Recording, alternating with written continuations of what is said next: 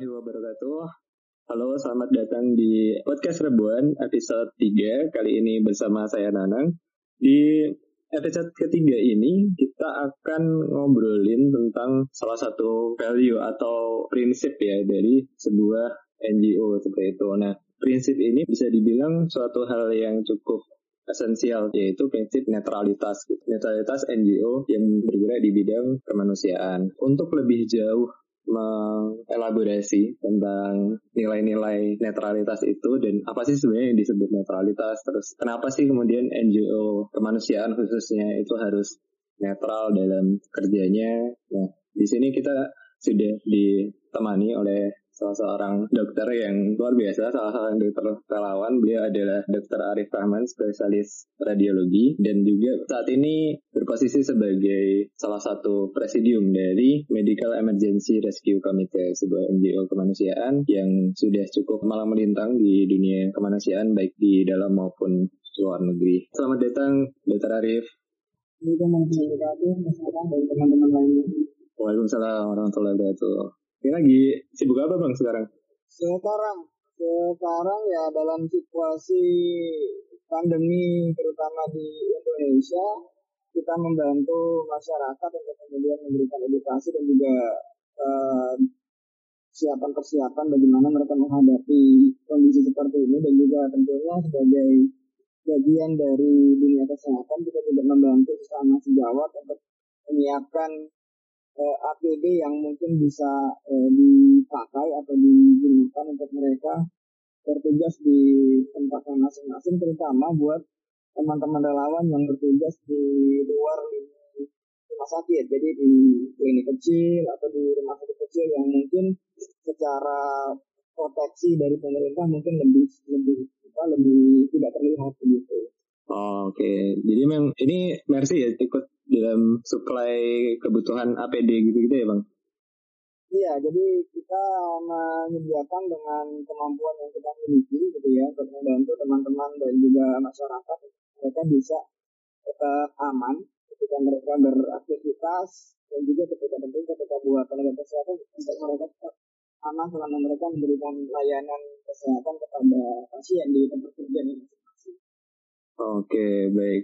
Ya, Iya bang, uh, jadi ngomongin tentang kerja NGO nih, kalau uh, di Mercy sendiri itu kan ada salah satu prinsip ya di, uh, di mana Mercy itu sebagai lembaga kemanusiaan dia harus bersikap netral gitu. Nah, cuma kadang masyarakat uh, awam nih mungkin yang melihat sebenarnya kenapa sih kemudian NGO dalam hal ini Mercy itu harus netral gitu dan yang dimaksud dengan netral itu seperti apa Bung? Iya, terima kasih. Jadi memang betul bahwa apa yang disampaikan oleh Mas Alan tadi netralitas merupakan salah satu filosofi dasar dari uh, Mercy mulai dari ketika para pendiri awal dulu menyiapkan ADART buat organisasi gitu ya karena e, kalau kita melihat dari sejarahnya e, Mercy hadir di tengah konflik yang saat itu memang sangat-sangat e, kritikal di mana netralitas itu bisa mempengaruhi apakah teman-teman yang bekerja di lapangan itu diterima atau bahkan mungkin malah terancam nyawanya. Jadi 99 eh, ketika teman-teman uh, pendiri Mercy turun dalam konflik di Ambon, isu netralitas ini menjadi sesuatu yang krusial. Artinya, ketika teman-teman yang notabene kebanyakan uh, berasal dari agama Islam, orang Muslim, mereka harus mampu sebagai tenaga kesehatan, sebagai penolong, harus mampu bekerja secara profesional tanpa membeda-bedakan apakah korban yang ditolong itu adalah mereka yang beragama Islam atau korban yang ditolong itu beragama non Muslim begitu. Hmm. Ini kemudian sangat sangat kritikal walaupun dalam dalam poin lain bukan berarti bahwa netral itu adalah imparsial. Kita tetap netral itu tetap boleh memihak, tetapi tentunya memihak kepada kebenaran. Okay. Jadi kalaupun kemudian kita sudah jelas hitam putihnya mana yang salah mana yang benar tapi kemudian kita tidak memihak pada salah satunya itu juga tanda kutip netralitas semu. Kita boleh memihak, boleh memihak kepada negara merata. Dalam dalam prinsip netralitas ini adalah bahwa sebagai tenaga sebagai tenaga penolong, sebagai lembaga yang hadir memberikan bantuan, kita tidak boleh membeda-bedakan apakah pertolongan yang kita berikan ini uh, di satu di satu pihak itu mendapat benefit yang lebih tinggi sementara di pihak lain yang notabene tidak sesuai dengan prinsip kita itu mendapat benefit atau manfaat yang lebih rendah tidak boleh okay. kedua belah pihak yang menjadi katakanlah menjadi uh, kelompok yang searah dengan dengan idealisme kita maupun kelompok yang tidak searah dengan idealisme kita itu ketika memerlukan bantuan itu kedua belah pihak harus mendapatkan bantuan dengan uh, tingkatan yang sama baiknya, sama profesionalnya tanpa memilah-milah itu tadi. Nah itu itu adalah netralitas yang, yang uh, harus dijunjung tinggi oleh teman-teman yang uh, di yang berkecimpung di dunia karena uh, netral ini merupakan suatu filosofi yang fundamental. Kalau kemudian netral ini kemudian dia tidak bisa dipegang oleh teman-teman uh, dengan baik, maka kemudian filosofi lainnya kemudian menjadi menjadi goyah. Oh. Jadi kita tidak bisa bicara integriti, kita tidak bisa bicara akuntabilitas tanpa kemudian kita bisa menunjukkan bahwa prinsip netral itu sudah sudah sudah melekat dalam setiap aksi nyata kegiatan kita. Gitu mas. Oke baik. Uh, berarti sebenarnya tetap kemudian ketika konteksnya itu sudah jelas hitam dan putihnya, kemudian uh, kita tetap melihat tapi melihat pada kebenaran seperti itu ya bang.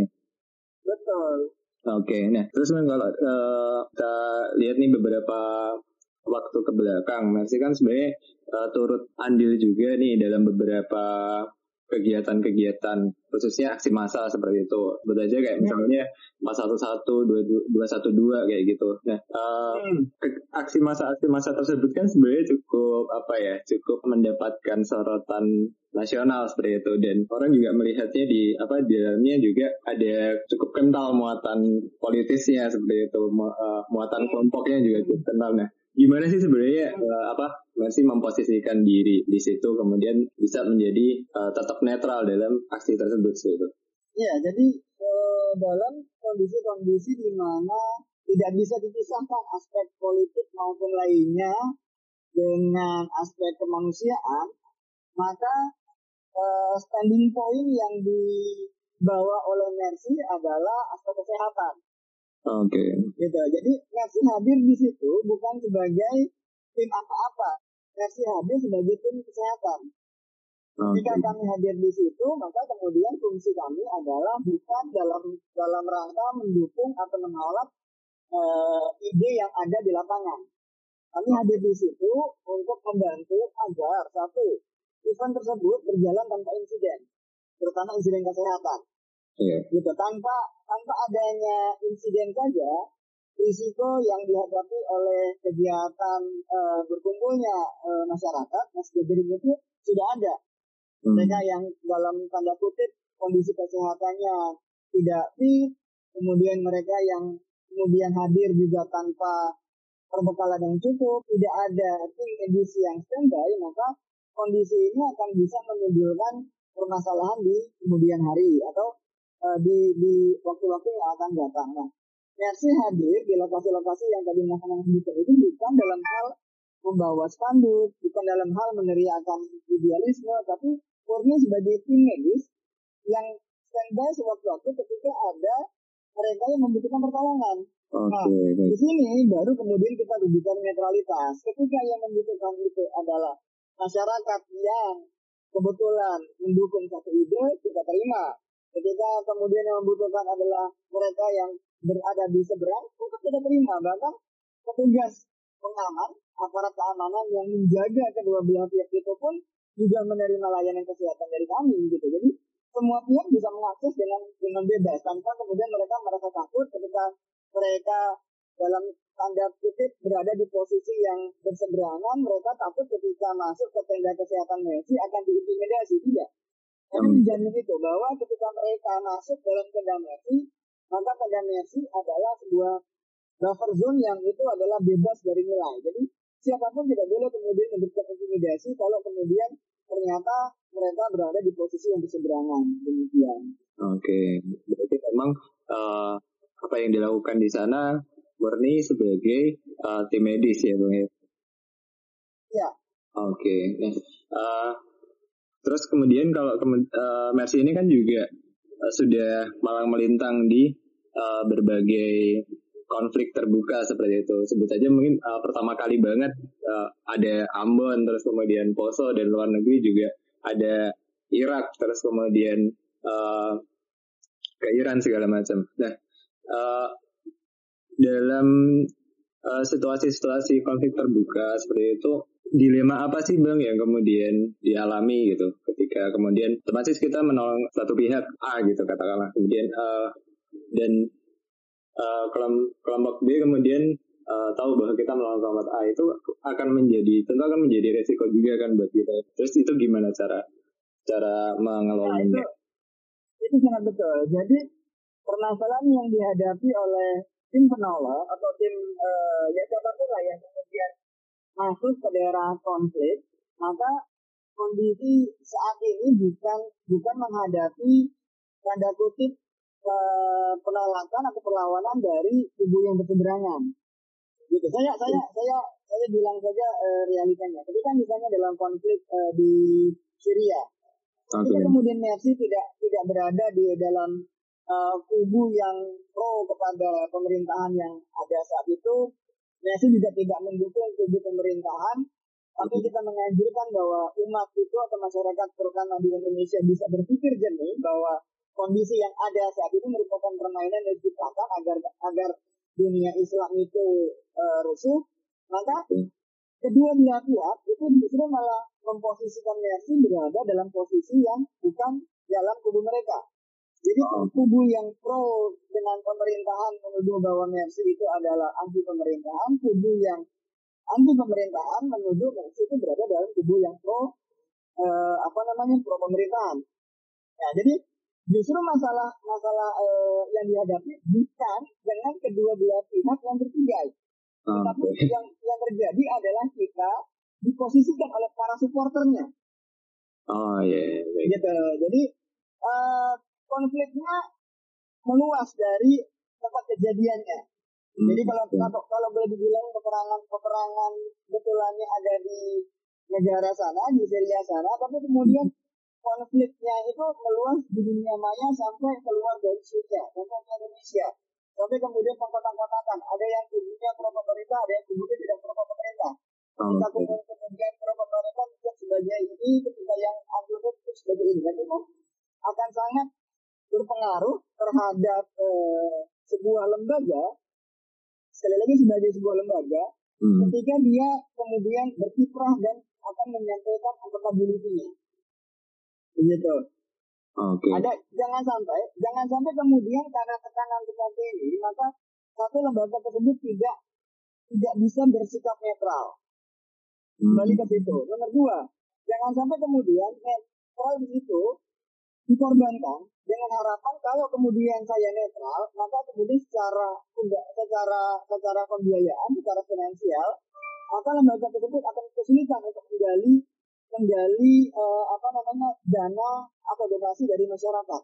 Oke. Okay. Itu tidak akan sangat berpengaruh. Gitu. Jadi jangan sampai kemudian net ini digadaikan hanya untuk kepentingan-kepentingan uh, katakanlah pencitraan maupun pengumpulan donasi dari masyarakat untuk kegiatan aktivitas dari lembaga itu sendiri gitu. Oke. Okay.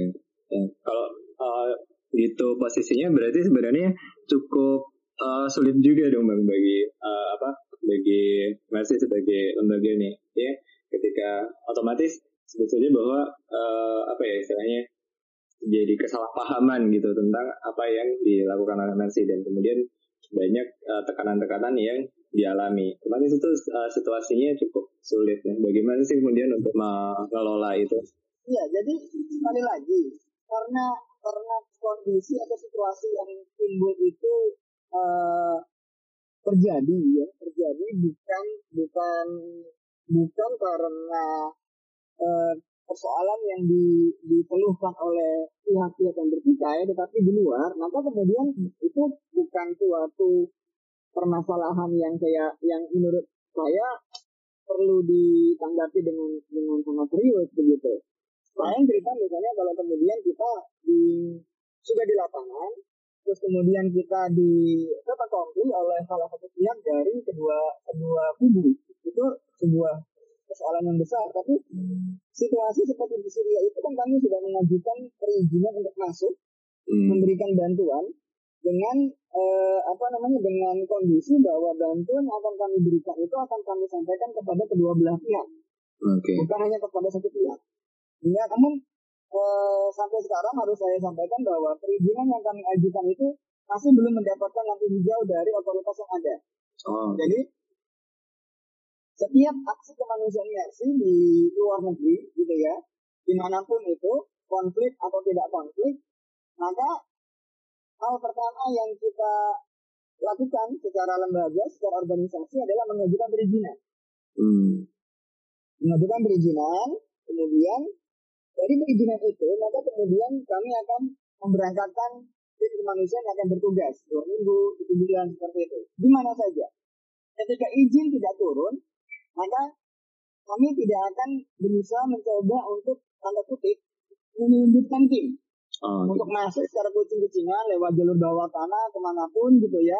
Oke. Okay, okay. Untuk kemudian menempatkan tim kemanusiaan itu dalam situasi yang tidak tidak apa tidak tidak nyata jadi uncertain.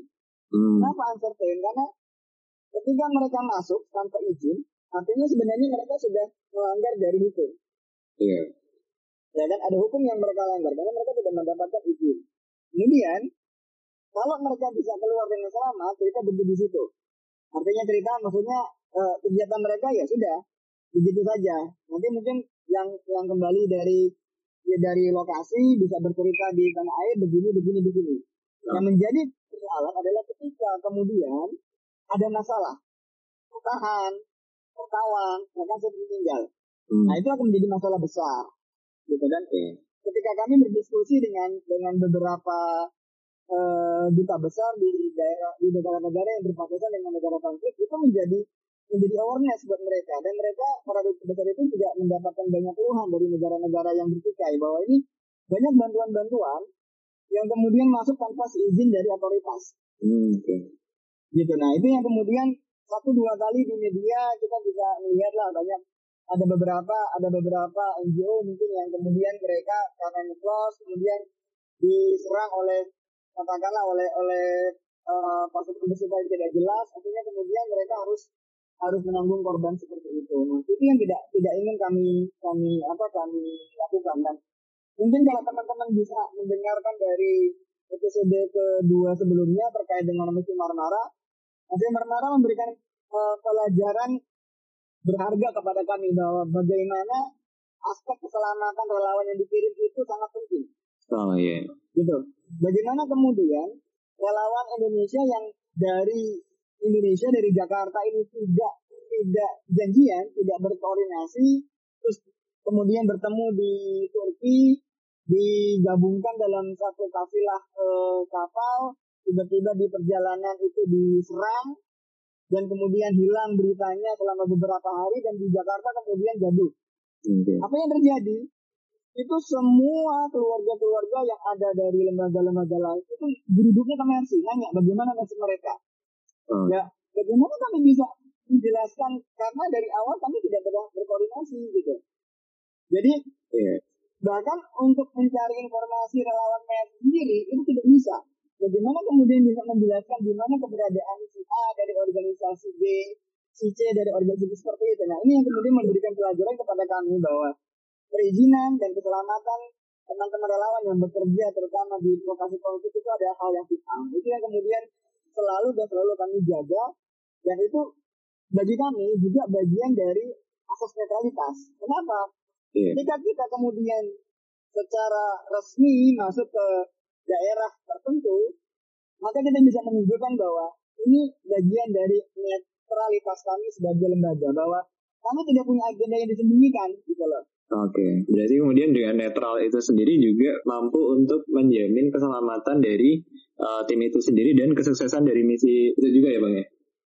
Betul, betul. Jadi uh, dari era digital seperti ini mencari rekam jejak sebuah lembaga itu bukan hal yang sulit bukan hal yang sulit artinya eh, nggak uh, usah lah kita pakai pakai tanda kutip uh, uh, apa namanya tindakan-tindakan intelijen gitu ya tinggal kita hmm. googling ketik nama lembaganya kegiatannya bisa kita kita baca kita bisa tanda kutip kita sudah bisa menerka uh, lembaga seperti apa ini nah okay. itu terjadi kepada teman-teman yang bertugas di Myanmar di awal-awal ketika ketika uh, konflik Rohingya pecah di tahun 2012 kalau tidak salah gitu nah itu ketika awal-awal tim di dikirim ke sana untuk bisa meyakinkan pemerintah agar tim bisa memberikan bantuan kesehatan ke camp pengungsi itu memakan waktu cukup lama.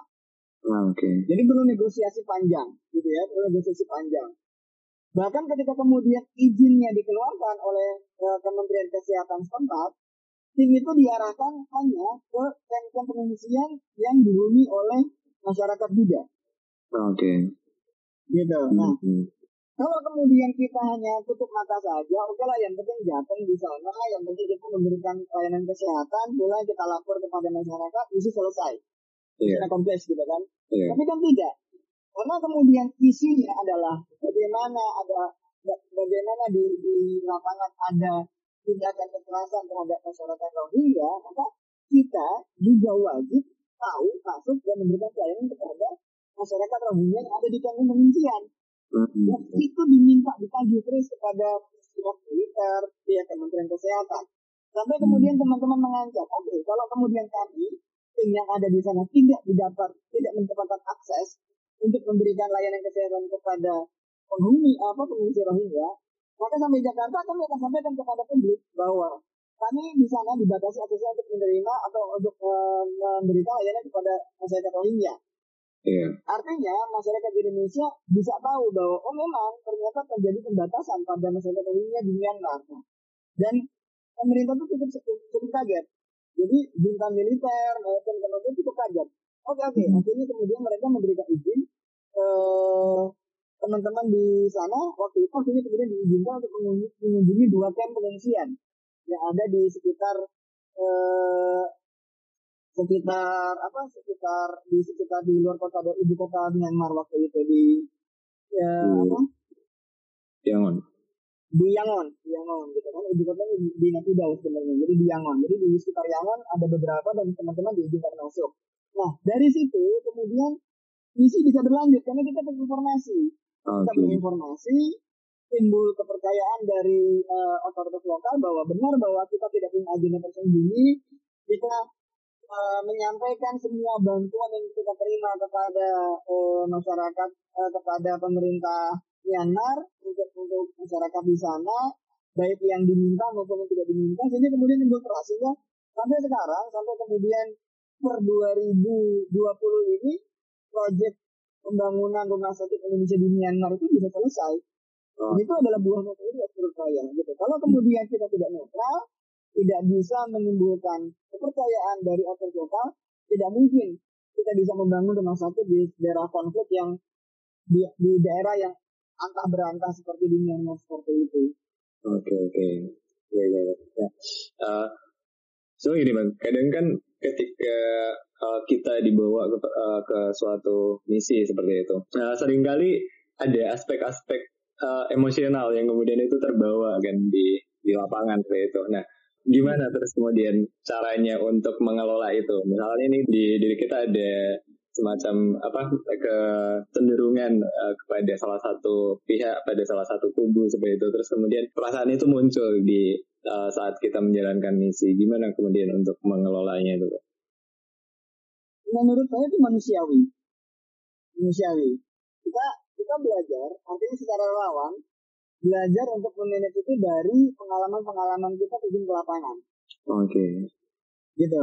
Kalau dibicarakan secara organisasi, saya sebagai presidium gitu ya tidak tidak mungkin memberangkatkan relawan yang tanda kutip emosionalnya masih meledak-ledak belum belum belum bisa belum bisa saya tidak tahu apakah yang bersangkutan katakanlah bisa mengatur emosinya kemudian saya berangkatkan untuk ke daerah konflik Hmm. Itu sama aja kayak ngirim api ke pangkalan bensin gitu. Oke. Okay. Jadi secara secara secara organisasi tentu kita tanda kutip memiliki informasi tentang relawan A, relawan B yang dia secara karakter mulai matang.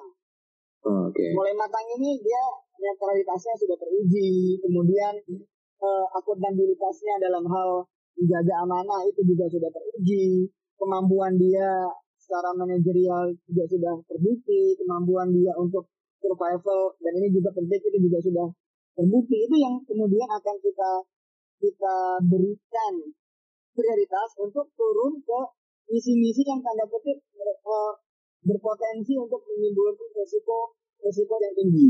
Oh, Oke. Okay. Gitu. Kalau belum sampai ada, kalau belum belum belum mencapai tahapan-tahapan itu ya itu relawan-relawan yang baru gabung, relawan-relawan yang tanda kutip mungkin uh, belum banyak memiliki pengalaman ya akan akan ditempatkan di Eh, misi-misi uh, yang di mana kemudian mereka bisa terus belajar untuk meningkatkan kemampuannya untuk menuju ke arah tadi begitu. Karena uh, saya saya perlu sampaikan dulu juga sempat begitu seperti itu itu menimba uh, dialami oleh relawan yang yang senior.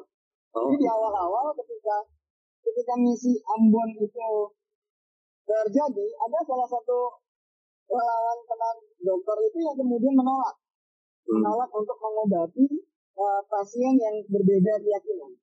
Oke. Okay. Gitu dan uh, saat itu juga, saat itu juga oleh almarhum Dr. Biasa itu yang benar-benar diminta pulang ke Jakarta.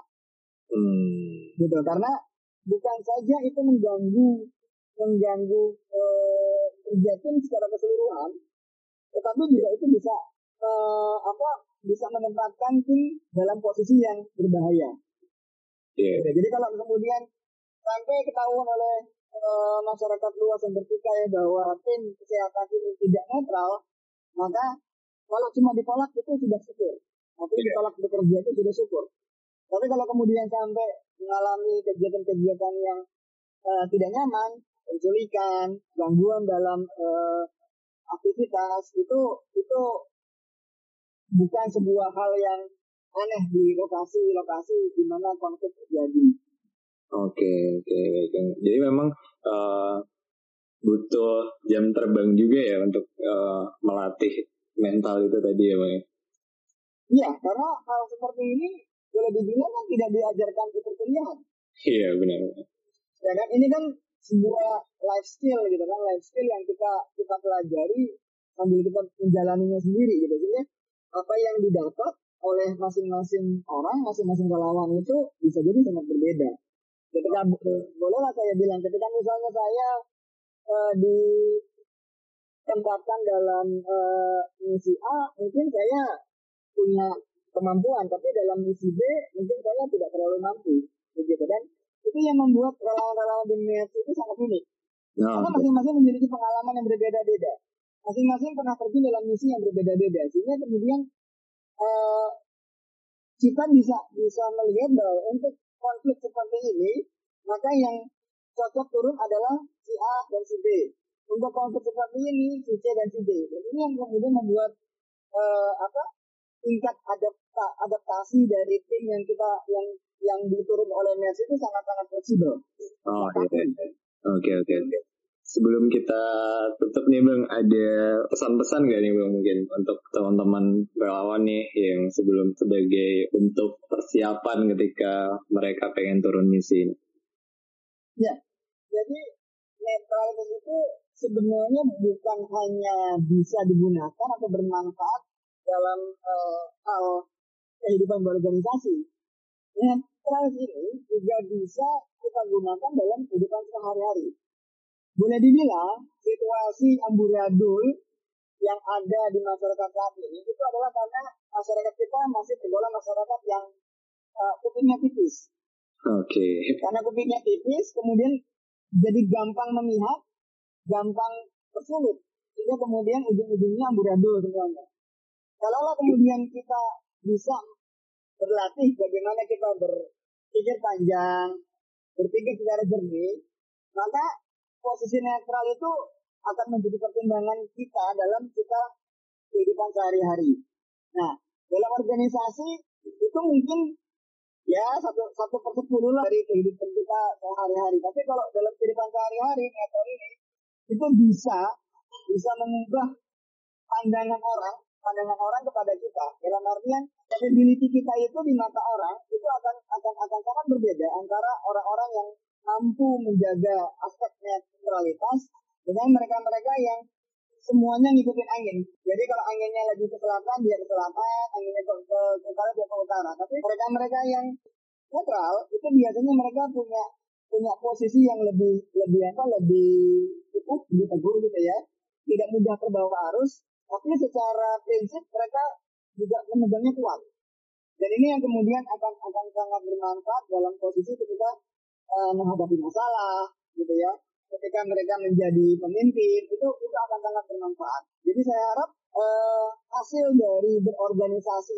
ini oleh teman-teman relawan itu bisa digunakan untuk kemampuan hidup jadi merupakan sebuah life skill Oke. Okay. bukan hanya bukan hanya sekedar kumpul-kumpul ceria saja gitu ya hal ini tapi memang ada aspek kehidupan yang kita pelajari lewat lewat kehidupan berorganisasi ini. Itu yang itu yang yang yang ingin kita eh, harapkan kita harapkan dari teman-teman relawan bisa eh, dapat dari dari versi. Oke, baik. Baik, terima kasih banyak. Iya, Mas. Dr. Arif Rahman, spesialis radiologi, Presidium Mercy Indonesia.